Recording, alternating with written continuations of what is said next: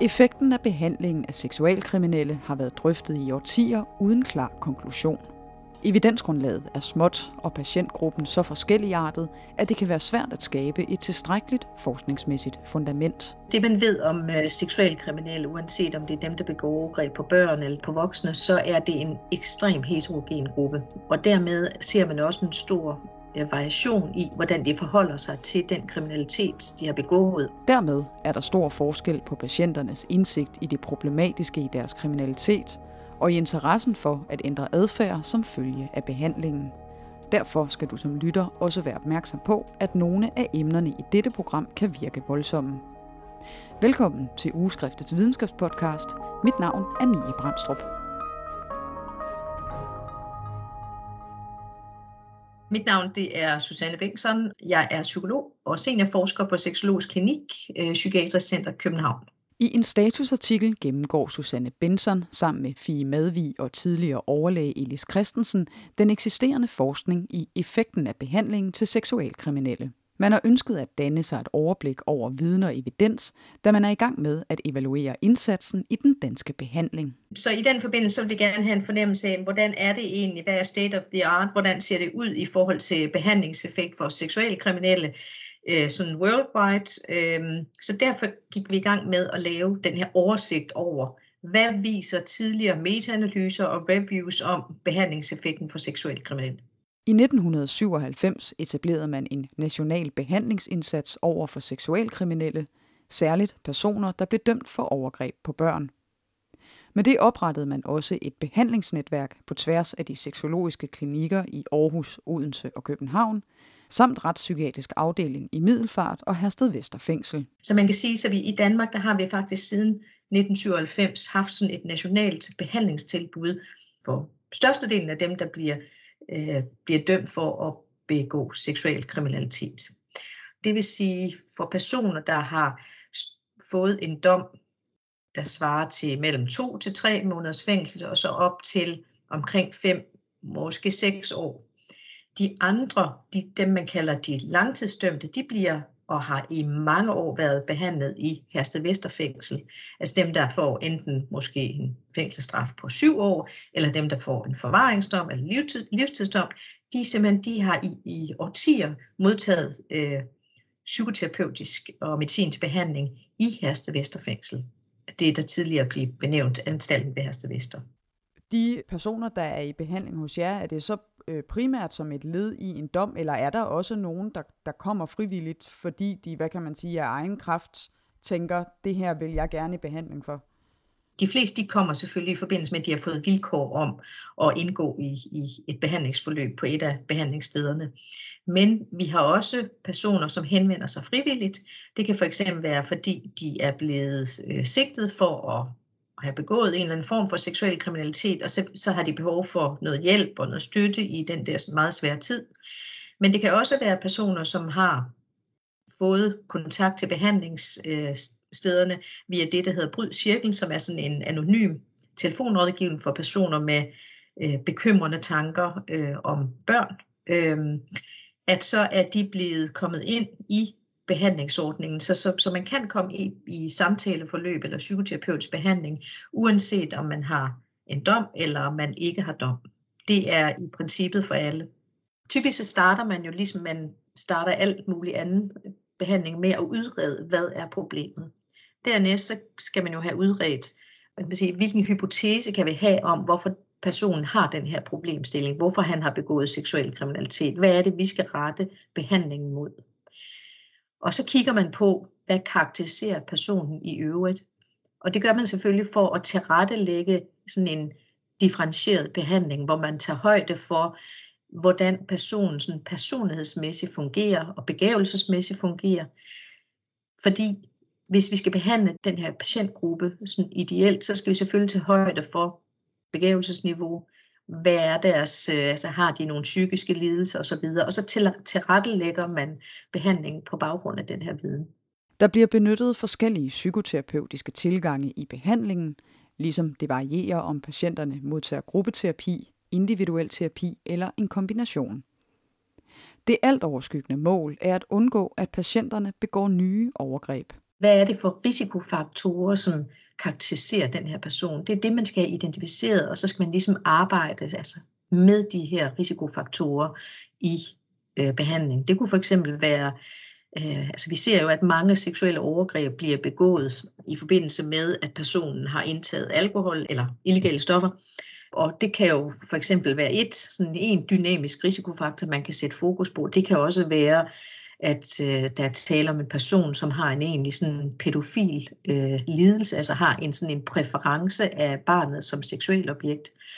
Og så skal man jo selvfølgelig arbejde med den her interesse, hvordan lærer personen at leve med den her øh, seksuelle præference, uden at handle den ud i praksis igen. Men det, det handler først og fremmest om at identificere de her risikofaktorer. Og i forhold til den sidste gruppe, du nævner her, fordi der kan man jo som samfund hurtigt blive enige om, at det er øh, Øh, nærmest den værste forbrydelse, man kan begå, det er et overgreb øh, mod et, et barn. Så Hvordan fylder det i jeres samtale? Hvordan forholder de sig selv til, øh, udover at det er noget forfærdeligt, de har gjort, alle de lag, der er i den her form for, for forbrydelser?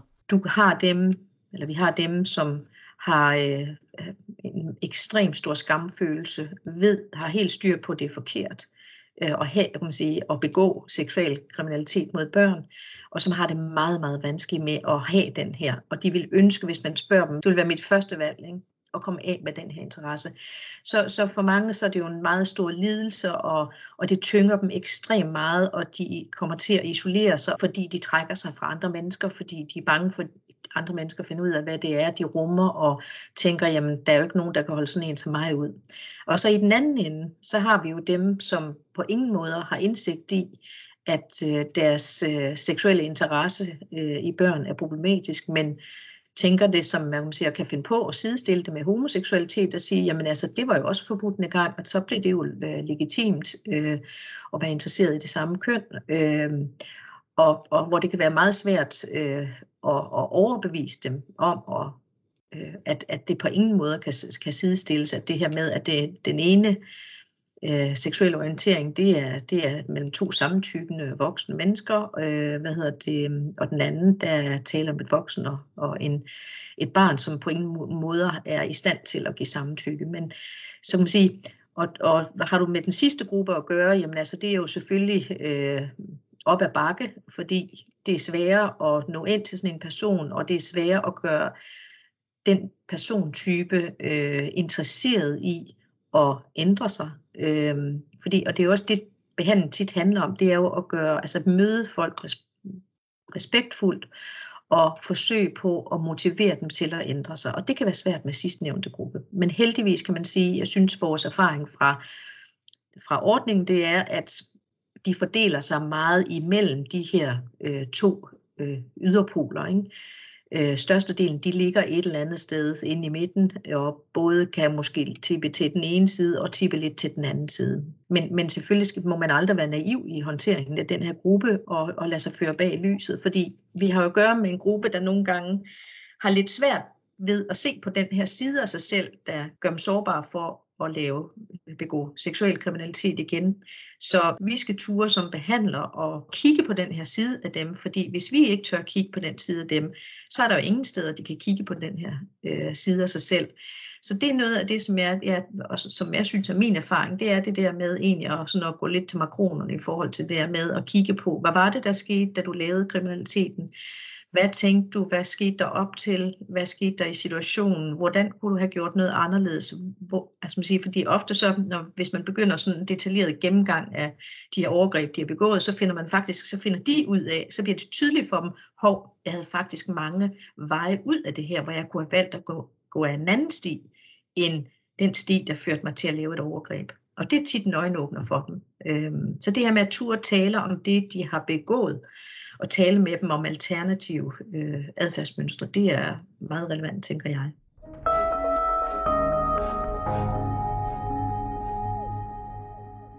I statusartiklen har man gennemgået reviews og metaanalyser af behandlingseffekten for seksualkriminelle. Hovedfokus har været på behandlingen af voksne mænd, da det primært er den patientgruppe, der modtager behandling på seksologisk klinik.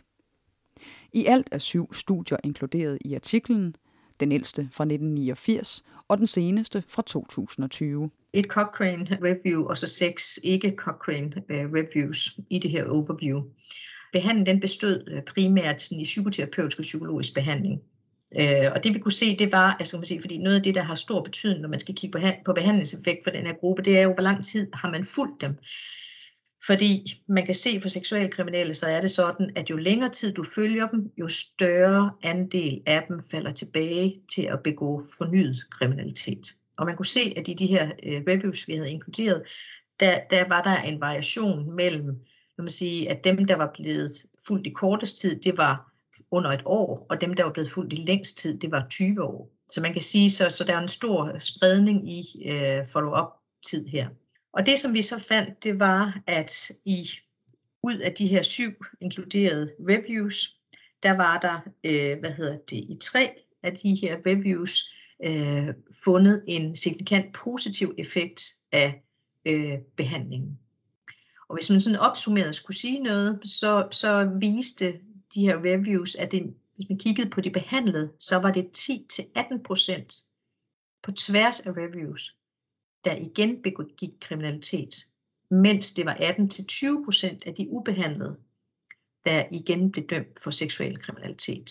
Og hvis man sådan kiggede på, hvor der blev lavet i nogle af de reviews, der blev lavet øh, regressionsanalyser, som viste, at behandlingen reducerede øh, recidivet eller risiko for at begå fornyet seksuel, seksuel kriminalitet med omkring 23 til 35 procent.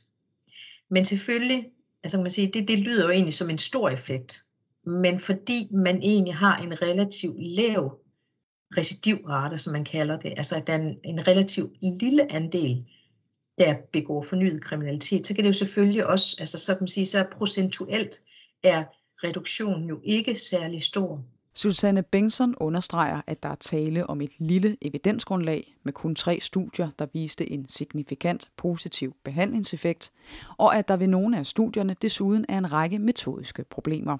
Men fordi det er den her type kriminalitet, som man samfundsmæssigt øh, betragter som en meget alvorlig type kriminalitet, jamen så er en lille effekt har stor legitimitet. Det gør, at man tænker, at en, en indsats på det her område har virkelig fuld berettigelse, fordi hvis man bare kan forhindre, at få børn, få voksne bliver udsat for seksuelle overgreb, jamen så vil de fleste tænke, at man har vundet. Og, og var der nogle behandlingsformer, som stak øh, mere ud øh, rent positivt i forhold til øh, effekt og mindsket risiko for ny kriminalitet? Ja, altså den største behandlingseffekt bliver rapporteret for øh, kognitiv adfærdsterapi, og så det, man kalder en RNR-tilgang. Og kognitiv adfærdsterapi, det tænker jeg, det ved mange, hvad er, ikke? det er, hvor man arbejder med sådan, øh, hvor man meget har fokus på på tanker, altså sammenhænge mellem tanker, følelser, adfærd og kropslige reaktioner, og så prøver man at, at forstå en selv øh, ud fra det tankesæt. Øh, og det andet, det var den her RNR-tilgang, som er en rigtig spændende og meget lovende tilgang øh, til behandling af kriminelle, og det er en, man bruger rigtig meget i Nordamerika, øh, og ikke bare over for seksuelle kriminelle, men kriminelle i det hele taget. Og RNR, det står for, at man dels skal tage højde for personens risiko. Det, er det, det var det første er, og så er der endet, det er need, øh, altså at man ligesom prøver at tilrettelægge behandlingen efter, hvem personen er. Og det er også det sidste er, det er det her med, at man skal ligesom prøve at tilrettelægge behandlingen, så man tager højde for, hvem det er, man tager ind i behandlingen. Hvis du har en dårlig begavet, du skal behandle, så skal du tage højde for det, så kan du ikke sætte ham i en eller anden psykoanalytisk forløb, fordi det har han ikke de kognitive øh, færdigheder til at kunne håndtere og profitere af. Så, så man sige, og der kan være, hvis du har at gøre med en meget sådan øh, dyssocial person, øh, så skal du måske også have en særlig tilgang, øh, hvis du har at gøre med en autistisk person, så skal du også have en særlig tilgang. Og det hele det skal sådan tage udgangspunkt i det her med risiko. Så vi skal forsøge på, at dem, der har en høj risiko for igen at begå seksuel kriminalitet, det er ligesom dem, vi skal rette behandlingen primært mod. Det er dem, der skal have de mest intensive og længste forløb. Og eftersom at det er jo største del af dem, de falder jo ikke tilbage. Altså der var en gang, man tænkte, en gang seksuel kriminel, altid seksuel kriminel.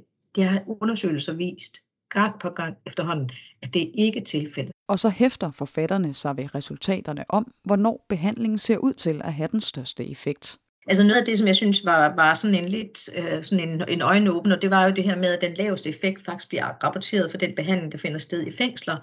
Øh, og gruppebehandling, den har størst effekt, når det suppleres med individuel behandling. Og endelig, det var så ikke et review, som indgik i den, det her overview, men et review, der er lavet her for nylig, og som vedrører egentlig sådan øh, behandling af dømte sådan generelt, øh, både seksuelle kriminelle og andre typer kriminelle. Det var det her, det, det her med, at behandling post-fængsel, altså det, når de bliver prøveløsladt, at det er faktisk det, der måske har den allerstørste øh, effekt. Så det er der, vi skal have fat i dem, det er, når de kommer ud af fængslet. Det er rigtig, rigtig vigtigt, det er, og det er også det, vi kan se egentlig generelt, at, at det er tit der, hvor de er størst risiko for at recidivere, altså begå fornyet kriminalitet, det er, når de kommer bliver prøveløsladt. Resultaterne omkring risiko for ny kriminalitet skal også ses i lyset af, at der er et stort mørketal for seksualforbrydelser. Og som Susanne Bengtsson tidligere nævnte, så stiger risikoen betydeligt, hvis man følger patienterne over årtier. Følger vi dem over lang tid, måske 20-30 år, så er det typisk op mod 30, må nogle gange 40 procent af dem, som faktisk restiverer. Men, men det er stadigvæk størstedelen, som ikke har fået en ny dom når man laver undersøgelser for, af den her gruppe, så skal man altid følge dem i lang tid, fordi ellers får man simpelthen altså et fejlagtigt billede af forløbet for de her mennesker, også når man skal undersøge behandlingseffekt, fordi at der kan gå lang tid før de ligesom falder tilbage. Og, og det bliver man jo nødt til at, at tage med i sin, sige, sin overvejelse, når man ligesom skal håndtere den her gruppe, at vi kan ikke bare tænke, hvordan går det dem de næste par år, fordi det giver ikke mening med seksuelle kriminelle. Det kan give mening i mange andre sammenhæng for mange andre patientgrupper, men ikke med den her gruppe. Der bliver man nødt til, altså man anbefaler egentlig, at man, man følger dem i minimum 10 år.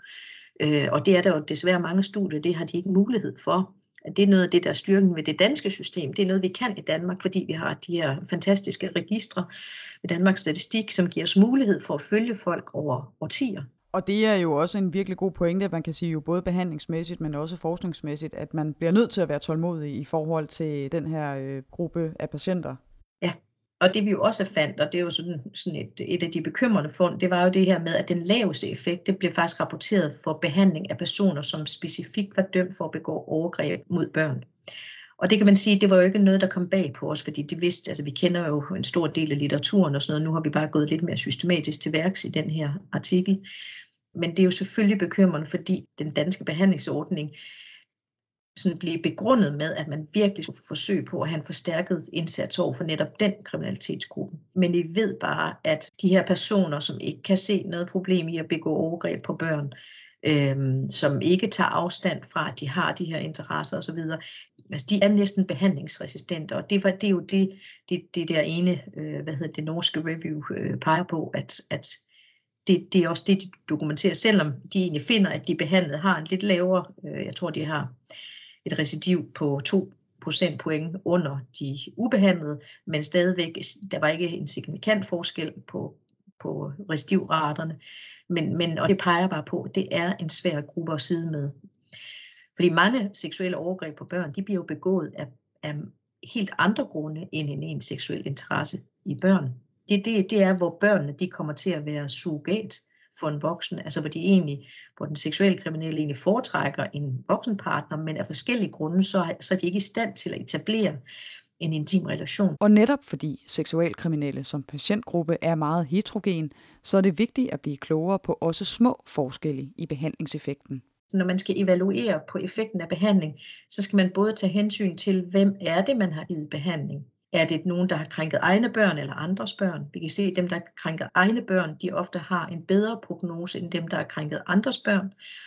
Er det voldtægtsmænd og voldtægtsmænd, der måske tænder på magtaspektet, øh, det at have seksuel overmagt, dem kan man være mere bekymret for. Så det her med at få evalueret øh, behandlingseffekt i henhold til, hvem det er, man har haft i behandling, det er afsindig vigtigt, men problemet er, eller det er et godt problem, kan man sige, fordi ofte så har vi ikke så mange af, af de her øh, kriminelle, men i en forskningsmæssig sammenhæng, det betyder det, at det kan være lidt svært at lave forskning på det.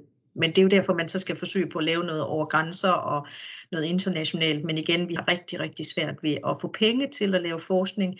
Der er ikke så mange af dem, der er interesseret i at støtte den her øh, gruppe. Og det er jo selvfølgelig et kæmpe problem, fordi det bliver meget, meget svært at lave lave forskning så, og, og hvis vi skal blive klogere på det her område og blive bedre til at forebygge, så bliver vi jo nødt til at have noget forskning. Ja, man kan sige, at vi snakkede jo tidligere om øh, de kriminelles øh, syn på den øh, forbrydelse, den kriminalitet, de har begået, men der er jo i hvert fald ikke nogen tvivl om, hvordan omverdenen ser på dem, og, og der er jo mange, der er den holdning, jamen de skal låses inden for evigt, og nøglen skal smides væk, og så behøver vi jo ikke at bruge mere tid på dem. Så jeg tænker, det, det må også sådan både behandlingsmæssigt og forskningsmæssigt være en udfordring. Helt sikkert, helt sikkert. Og, og det er jo et kæmpe problem, fordi alle er enige om, at vi skal forsøge på at forebygge alt det, vi kan. Men hvis vi ikke kan udvikle viden om, hvordan vi bliver bedre til det, så har vi jo, så har vi jo et, et, et problem. Ikke? Så, så, så det er jo det der med på en eller anden måde, altså det er jo så en udfordring for os, der laver øh, fondsansøgning, det er jo det her med at få det gjort klart, at, at det her det handler jo om at forebygge, at børn og voksne bliver udsat for seksuelle overgreb, og forebygge øh, alle de her meget langvarige og tit meget alvorlige følger, det får for offerne. Og så lige øh, afslutningsvis, øh, Susanne Bengtsson, fordi du indledte jo med at sige, at det her øh, overview, øh, den her statusartikel jo er en del af, at I også gerne vil øh, evaluere den behandling, der er i, øh, i Danmark. Så hvis vi skal runde af med det, hvad, hvad kan I så bruge den øh, viden til, som I har, har samlet ind i den her artikel? Altså jeg tænker, OpenView det kan bruges til at, at, at lave en, sådan en forventnings- øh, eller en realitetskorrigering, ikke? hvor man ligesom får, får nivelleret øh, forventningerne til, til, til de fund, vi nu måtte gøre i, i vores effektundersøgelse. At det her med, altså man skal ikke være overoptimistisk i forhold til behandlingseffekt, man skal have en realistisk øh, forventning til, hvad, øh, hvad effekten kan blive. Og øh, det, der er væsentligt på det her område, det er jo, at selv lav effekt har en stor betydning for de sparede offer, som en lille effekt medfører.